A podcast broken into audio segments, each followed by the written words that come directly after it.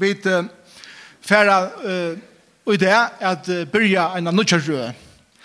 Og vi færa at byrja en utrolig spennende rød, halde jeg. Og det er en rød i jøkken lukkne som Jesus er. Og vi færa at bruka en stor parst av oss fyrre halvene av åren at, at hitje er at lukknesen.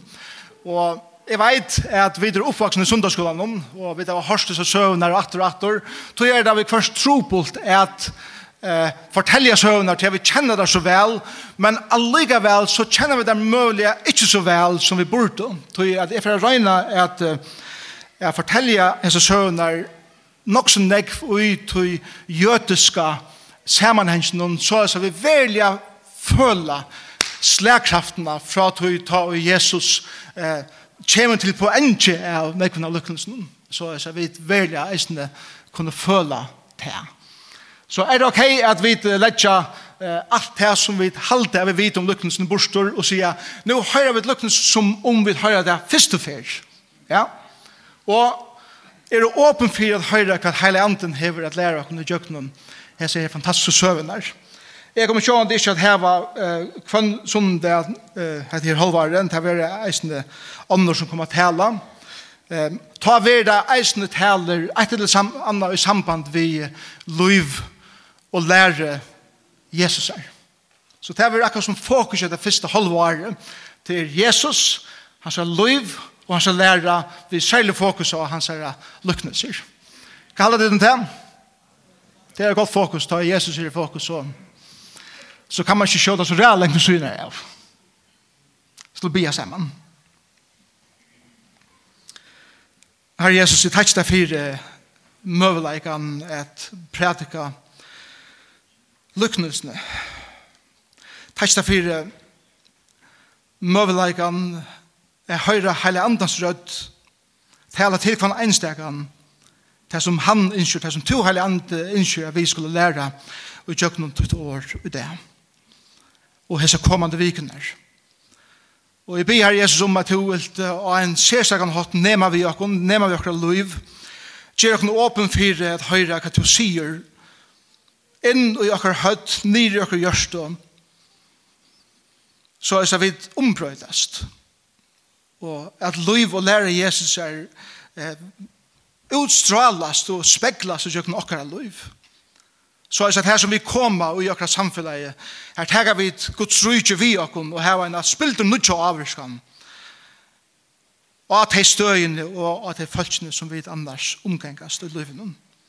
Bid her om at du vil sikna, Alt som er i her i dag, okkara liv, okkara familier, alt som vi tegast vi, herre, at du skal leie okkom hese vikene, at tåra er vera ljós fyrt her. Og i Jesus' navn. Amen. Jeg halte ikke at det tætje munnen og fotland ta jeg sier at jeg halte at Jesus var beste godfrøyngur som nærkant hiver liva. Er det samt? Eh, tog at han tar seg om seg sjølva.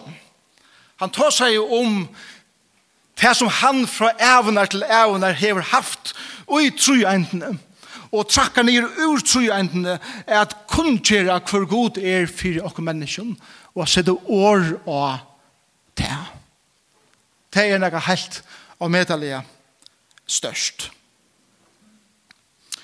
Jeg halte heller ikke at det er ikke munnen og fotland, ta og jeg sier at jeg halte at Jesus var beste prædikmever som det kan hive livet. Amen. Amen.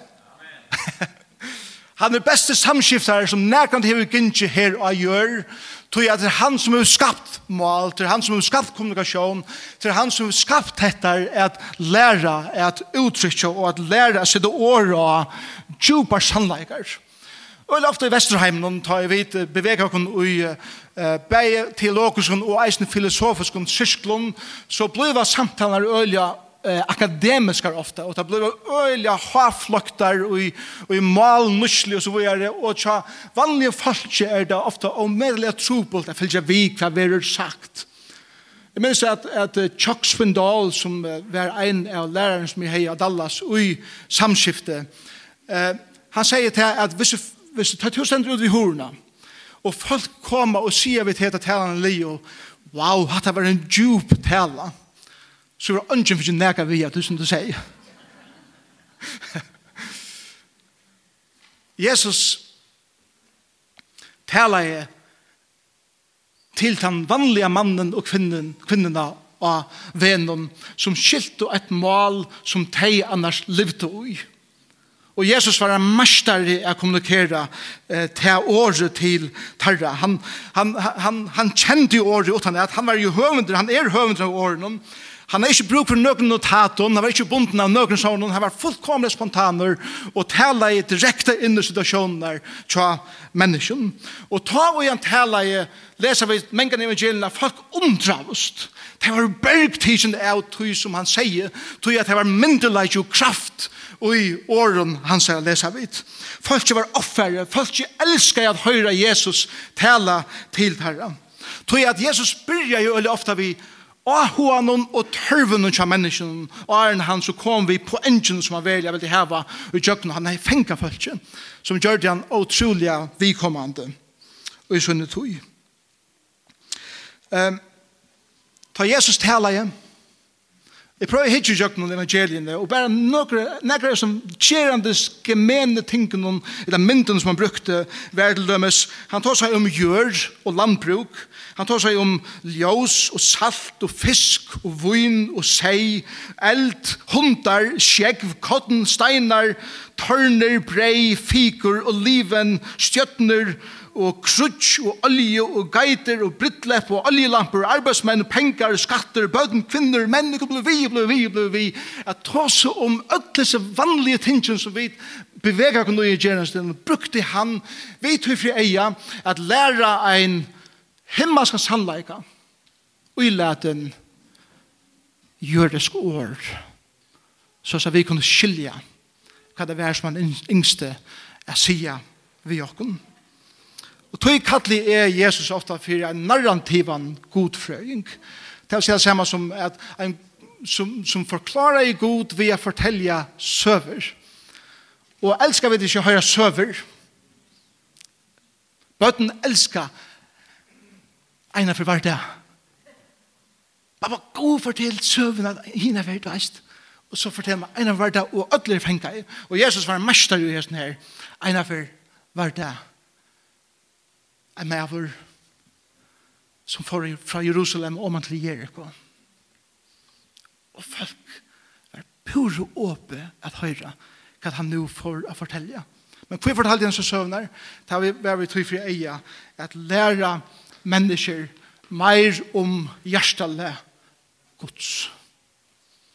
Som vi kunne tega til okkara og teka hjertalega Guds ut og i gerande stegn her som vi annars liva vi er vera som han innskjer okkon er vera. Det er i høvesheiten om er og hva luknesene vilja. Det er at teka Guds rujtje inn i okkara land som er det fyrir og liva på en helt annan måte enn okkara annars system er samanskruvet av og avspekla neka som folk sier hver kommer hatta fra og tror jeg det Jesus brukte luknes og derfor er det at jeg begynner vi en luknes i Lukas kapittel 12 og det er miskonsam samvergen og vi kjenner det så vel men jeg skal lesa teksten Det er viktig for oss å skilja sammenhengen eisen ta i vidt eh, hvis vi er til fæta lukknesene, så må vi skilja samanhengen som lukknese vil tala jo i. Vi må hava sindra innlid inn i jødiska mentan. Vi må skilja sindra hvordan jødar huksa. Vi må skilja sindra av tarra eh, gerandes liv av Jesus er døven. For at vita hvordan Jesus brukte myndene, og eisne for at vi skulle føle slagkraftene av hans myndene, som vi men kan ikke føle, til at vi er så lengt fra, bare kulturelt, og eisne utøy, og på sånne hver ære mater, fra hvordan han gjøte og at døven Jesus har hørte det, som Jesus lærte. Så jeg leser jeg fra vers 25 i Lukas 12. prøv prøv å lust vel etter etter årene. Ein, ein lovkønner steg nå fram. Frashta i han og sier, Mastere, hva skal jeg gjøre for at jeg kan arva av et liv? Da sier Jesus vi han, hva er det skriva i lovene? Hvordan leser du?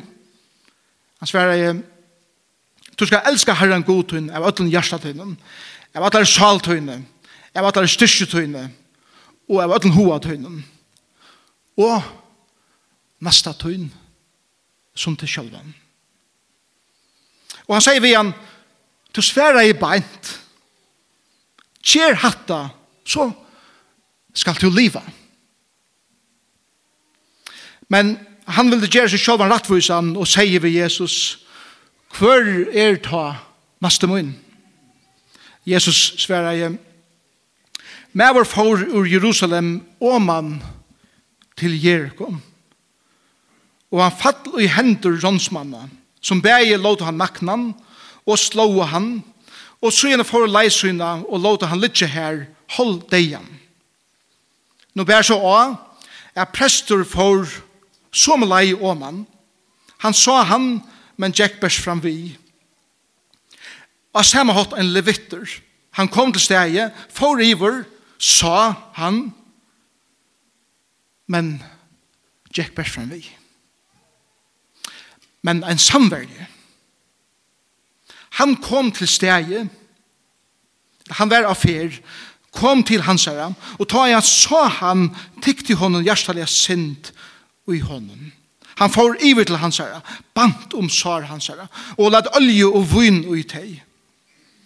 Så lytte han opp og av sitt egna døyr, for til gistihus vi honom og røkte ham. Dein etter tog han tveir dinarer. Gav versen og teir og sier, røk han, og legger du meire ut, skal jeg lete til få til at jeg kom i atter. Så spurte Jesus den lovkønna, hver av hessen trimon, tidsi til nu, røntest, maste hans herre, som fattelen vær i rånsmanne hender, og Og han sier, tann og vusti hon meskun. Da sier Jesus vi han, Fer to, og gjør det samme. Og det her er en sikna, søkt år. Omstøvner som vi har i lukkelsen her beint, er først at ein lovkøner til en skriftlærder, ein som er innerlega i jødiske lovene, som kjenner gamla testamentet utanett og alle lovene rundt om til ham. Og vi leser i teksten her på en, i vers 25, at en lovkønner steg nu fram og fresteg han via spyrna spurning. Bare her har vi nega som bryter fra kulturen og beina vegen og i omstøvnen. Og han sier mestere, ta og ein mestare var spurt en spurning vi tog fri ei at læra han det så reste ein person som spurte spurning som sier ångkant i opp Hesa mauren stei fram for jeg viser sin autoritet iver Jesus. Hvis du er ahover a spyrja en rabbi, eller en mestare, eller en lærare, om at få vita nekka, så var det i kulturen at du sette det nyer vi hans føtter, hukte på han, hvis han var sitande, og spurte spurning. Lange her, så jeg vet, er at motivet til hans lovkønner som kommer til Jesus, er ikke motivet at verlige, at lære fra spurning som han hever på hjertet, men heldur at få en decision ved Jesus, så at han på en eller annen måte, og i synen intellektuelle, kan sette Jesus opp på plass. Jesus kjenner jo vel hjertet av honom, og Sværa seg spurning. på det. Hatta var mat måte som Jesus jeg lærer på. Ein spyr en spurning.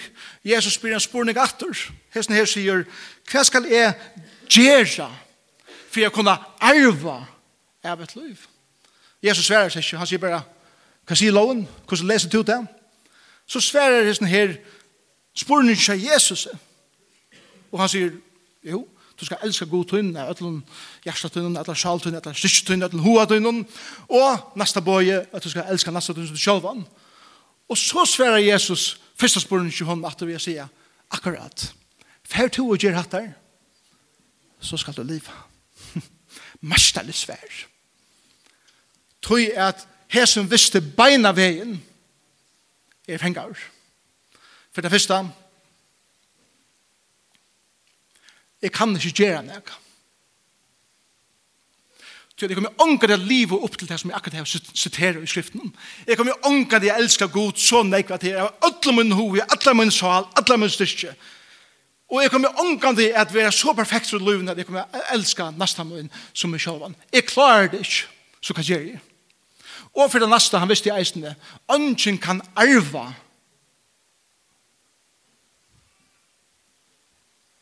vi har vinna seg nek, eller vi har arbeidet for det. At få er nek som har fær utan ha gjort nek fyra, til en gava som er given. Så langt her er veit han at han standarden som er spørst om er i langt fallen ui. Så er man regner rett og slett med sjåan på en annan måte og spyr så vujere og sier vi Jesus All right. Hvor er så neste munn? og ein og hver gjøte og hesen døven, og til verre, men kan enda det, heldur at hans naste er ein annar felaks gjøte, og ikkje nekar utanfyrre gjøtedommen. Så han er vant til å svære for Jesus. Jo, jo, altså, det er de jødene som du annars lever sammen vi, og, og som du kjenner, og de nærmeste ut i en familie, og så videre. Det er det som du skal være god i. Men Jesus sværer seg ikke spørningen. Han spyr, og Jesus sværer seg ikke spørningen. Han forteller, i stedet for en søve. Og han sier vi ham, vår for ur Jerusalem, og man til Jericho. Her forteller Jesus om en mann. Han sier ikke hva han er, men man råkner ved at han er ferdig ur Jerusalem og til Jericho, så er det en jøte han snakker om. Og ta vi man ferast fra Jerusalem om til Jericho, så vet man at det er en øyelig eh, streventur av genka. Han får fra Jerusalem som ligger omlai 900 meter i vår havflatene, og man til Jericho som ligger omlai 300 meter under herflatene. Det er samme som at ta i man ferast fra Jerusalem om man til Jericho, så føler man ordentlig at det betyr om man til Jericho. Tøy at her er så grytot, og her er så torst, og her er øyemørsk, og du måst ferast jokken delar, og på man og fjøtl, medan du ferast om man etter. Og jeg er enda for ferast han gamla veien fra Jerusalem om man til Jericho. Og til er sted til man narskast Jericho, som det kallar for blåskære. Og til er et sted som vi nevnt til dømes i Josfa bok, som er et sted som er særlig ferdelig til feras tja, en ensam til fera manne, tog at her alai lov så øyelig ofta ronsmenn og lurte etter folk som kom ensam av fer. Tog fikk at her skære navnet blå skære. Og det var kallet såleis. Ennå det. Det skære som helter at det møvlig er hentet at han var avloppen. Jericho er heimsens lagste bøyer, og eisen heimsens råkna vi eldste bøyer. Man har funnet leivter i Jericho som kunne dateres helt eh, til 8000 år etter etter. Så mye gammal er det sånne bøyeren. Og det stender her beint at han får til Jericho, Han fall og i hendur rånsmannen, som begge låt han naknan og slå han. Annars sier eh, jøders mentan er at ta og jeg med over avlåpen, så hendte jo ikke hvis han ikke gjør det motstøv. Men hese stakkars mæveren hever rønt at gjøre motstøv, og til tog han var boka var av, til tog han var slien, til tog han var alltid var eh, tidsje fra og han la her holdeier, kanskje hvitleisers. Og tar forsønne lei, og tar låt og han litt her holv deian. Hvis jeg fortalte seg sånn for munne bøttene, så hadde bøttene sagt, eller så er jeg kanskje sagt, hva skal jeg, det forteller meg i morgen. Og de hadde sagt, nei, pappa, fortell meg. Han ligger holdt deg i her bein, du må fortelle meg. Og så har følte gjøtene det. Ok, her er en av akkurat felagsborgeren som her, som her, fattelen og gjør seg rundt med hendene som vi kjenner vel. Og jeg kjenner, og jeg kjenner kanskje omkring i familien som er, eller omkring som kjenner omkring, som har opplevd det samme. Hva hender vi innom? Og Jesus sier så, og i vers 31, «Nå bær så av at en prester for Åman, som og lei, og gjøtan så at, åh, prøys herran fire prester kom, nå er han bjergavur. Og Jesus sier at presteren kjekk bant forbi. Og du hever det her surprise-elementet. Presteren kjekk forbi. Forbi Presten eier at teka seg av hessen, hessen mannen som ligger her beint. Det var oppgavan til presten at teka seg av en som hei bruk for hjelp. Det var ein pastor av hans arbeidslysing at teka seg av en som ligger her halvdeier og vidleiser. Nekvar presten som arbeidde i Jerusalem bo i Jericho, det vet jeg vet. Og tar færre av oss, tar det tant tver viker i tempelen, fer av oss der, og man til Jericho, er vera sammen med sin familie og så videre. Og hva kan det være som er gjørst at disse pressen hever, hever haft det her hjerteleie? Kan det være at han sagt, hva skal jeg ha tant her nå i tver viker, og nå at jeg må ha fru? Kan det være det? Jeg kjenner vel det. Jeg er jo øle prestaleir. Kan det være det at han sier, jeg vet at det er min oppgave som ein prester og som gjør det hele tiden, at jeg kan se, meg av en av mine egne landsmannen Men veit det at man er en jøde eller ikke? Hvordan kan jeg vite han ligger nætjen, han ligger vidleser, jeg kan ikke ordentlig vite hva det er. Jeg vet ikke om han er deir eller ikke. Hvis jeg kommer for nær og jeg nemmer vi en deir en kropp, så er jeg sermonist og regner.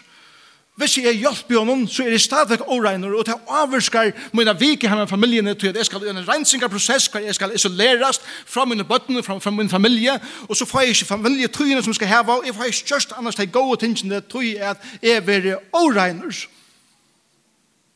Så om man ikke hennes for god til her, nå knappt en omkyldning for ikke å hjelpe en som god vil ha med å hjelpe.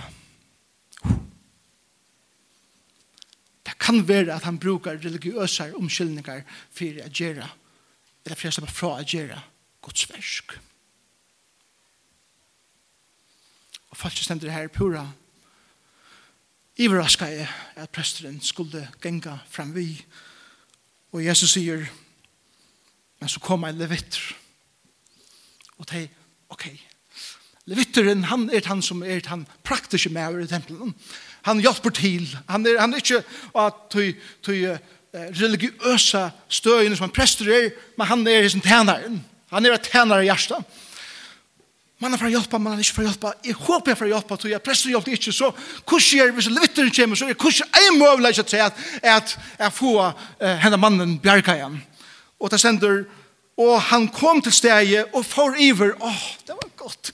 Han får iver prestige for seg og han iver. Så han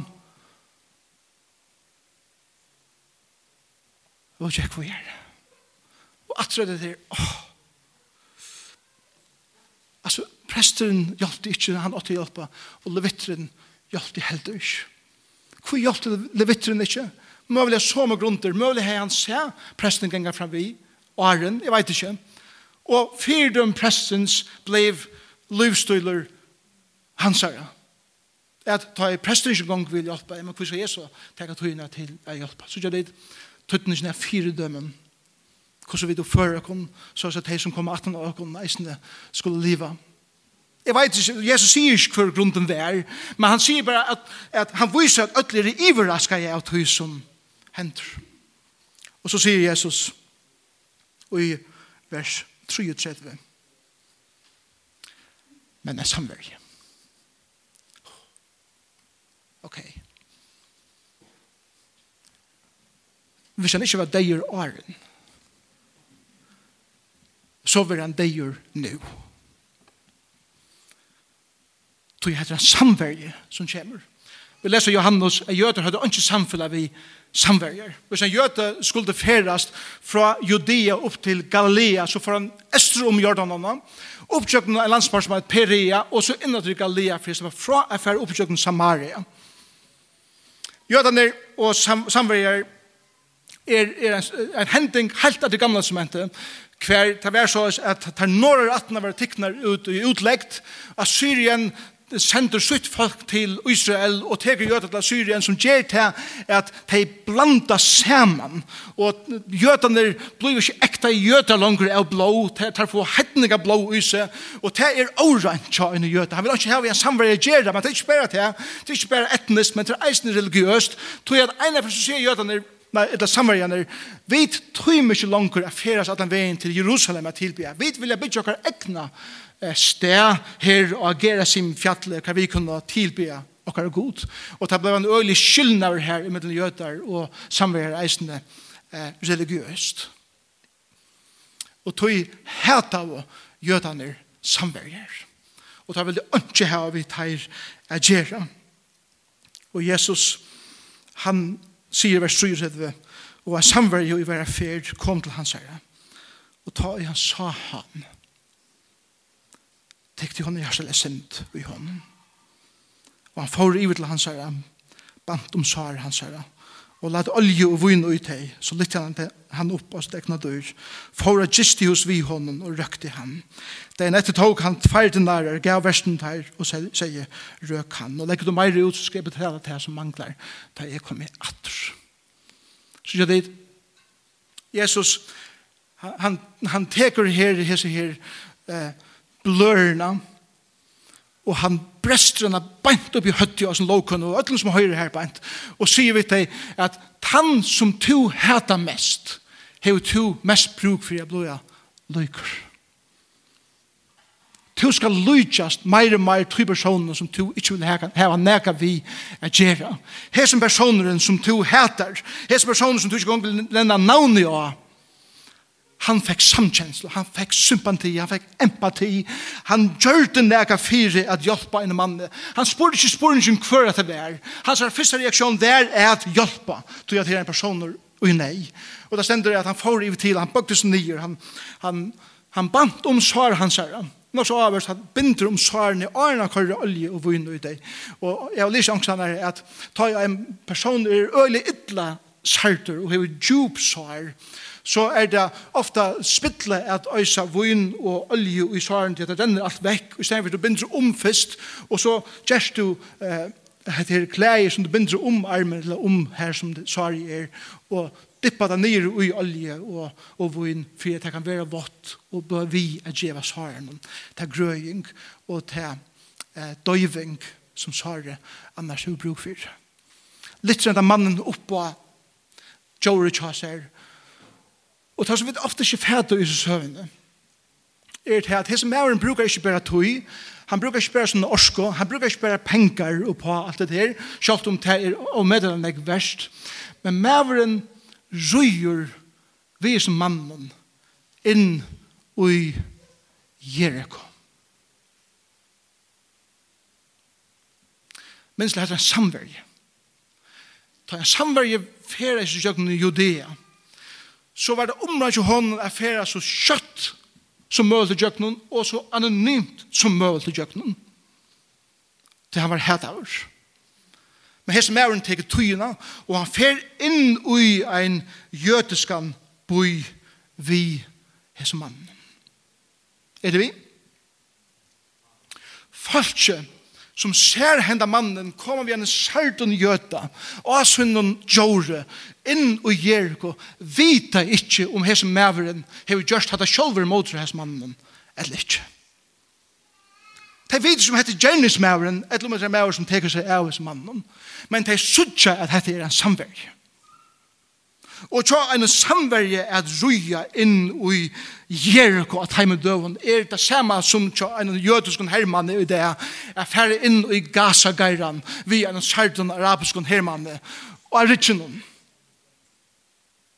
Etla vi så tega fra gamle døven i Amerika er at en indianer kjem vi en kåpæra. Vi tveimen pylen i rikken og hesten og tjasar inn i Dodge City. Inn i salongina som er gistningar huset. Beran de akslene opp til trappen der, vi er sånn sarda kåbæren, og alle hinne kåbæren som sitter her i barna, og alle sånne der, hitjeres nere til annan, fer opp til trappen der, og hyksa, og hyksa, kvæt gjer hæsen. Da jeg var nærmere av Dallas Seminary, så var jeg, jeg fortalte det til for og jeg er en tænase som nådde inn i det svarsta kvarteret i Sur Dallas, En eneste grunden for jeg vet kom livande ut at det var tog at det stod Dallas Theological Seminary av blusen og tjokken og vi var vi en av oss personer annars hadde vi ikke kommet livande ut at det Og jeg har ikke samboert til at hvis jeg er som en kvitter med vår hei ferdig inn ved en svarsning på ryggen som er sartan, pura ensamalder inn i det området i Sur Dallas, så er jeg ikke kommet livande ut etter, men karlægen for hese mannen var det som dreiv meg inn i futsjenda økje. Søvann sier det ikke. Det er en ettertøy som mæren for sted etter hver stå og boja i utenfor etter gistningarhuset etter honom det han for. Vi får vanga det vita. Men det er området for åkken er skilje hattar er så lengt vil til han færa tog at han hei samkjensle vi en person som hei desperat bruk for hans hjelp. Hjelp Og Jesus sier vi i vers 6, hver av hessen trimon heldur til presteren, levitteren eller samverjen. Hver av hessen trimon vær en naste for henne mannen som har fått en rånsmann hendur. Og hva sverar hessen lovkunne? Legg meg ikke til, han nevner ikke engang samverjen ved navnet. Han vil ikke tega samverjen på sånne varer. Han sier bare at han som vørste og det miskom. Og nå er det Jesus skriver han ordentlig fremme nå. Fær to og vær akkurat lyka som her som personer som to ikke engang vil nevne navnet av. Vær to som her som, som to heter gypst og vil ikke ha vi å gjøre og nyer gjør i øtlund ham økene og områdene og høvene som to hever løvnen at nye gjør en person vær to som han legg meg ikke til, Hesten lovkunnes byrja vi a spyrja, hva skal jeg gjøre for at arva av et liv, og lukkna seg enda vi at sier, Jesus sier, fær to og gjer det samme. Og han viser at i bavun føren, Bæja til fyrra bøye at du skal elska god hun klarar du ikke. Men du klarar ikke en gang til nasta bøye at elska nasta tusen til sjálvan. Ty at tu hevur definera åren er at tåsa hver til nasti er og tu hevur sett eh, listan opp fyrir hver til nasti er og Jesus bryter han listan og sier listan fyrir hver akkur nasti er nek større enn vi da at gjer han. Og tu er spurningur ikke hver er min nasti, men spurningur er kvønn er tu ein nasti fyrir. Nær er tu ein nasti fyrir ein person. Så la meg enda. Hva lærer vi fra hessene lukkene? Vi lærer først nægge om evet liv. Her som er en ser eller kjøtt at han hever finnes en standard for Jesus, som han omgående klarer at oppfylle. Det er sånn at vi kunne omgående gjøre nægge for at jeg var oppe på våre frelse. Omgående. Omgående Vi kan det gjøre nega for å kunne arve av et liv. Det er åkken given. Arven er åkken given i Jesus. Frelsen er åkken bøyen gratis som vil koste honom alt i Jesus. Det var ångan i nåneg versk som vi kunne gjøre for at vi kunne si nu er det gode nok til å kunne arve av et liv til en gave som vi kunne ta mot. Neste spørningen er Hvor er jeg en maste? Hvor er jeg en maste fire? Og det er å være maste fire en som er suttje hever en tørv i løven. Åtta mån til hver to erst. Vær er trygg, vær det mål, vær er mentan, vær er etnisk bakgrunn, vær er kyn, vær det livsavskåen, eller hva det så er. Her er jeg vidt å være en maste. Åtta mån til hver er jeg nær? Hver er to er neste? Er det tjona fella en som sveik til? Er det han eller hon som du skjeltast om arv? Vi?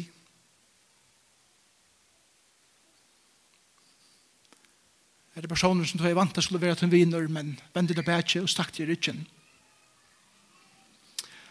Er det hånden til han som spottet deg for tunna tjikv.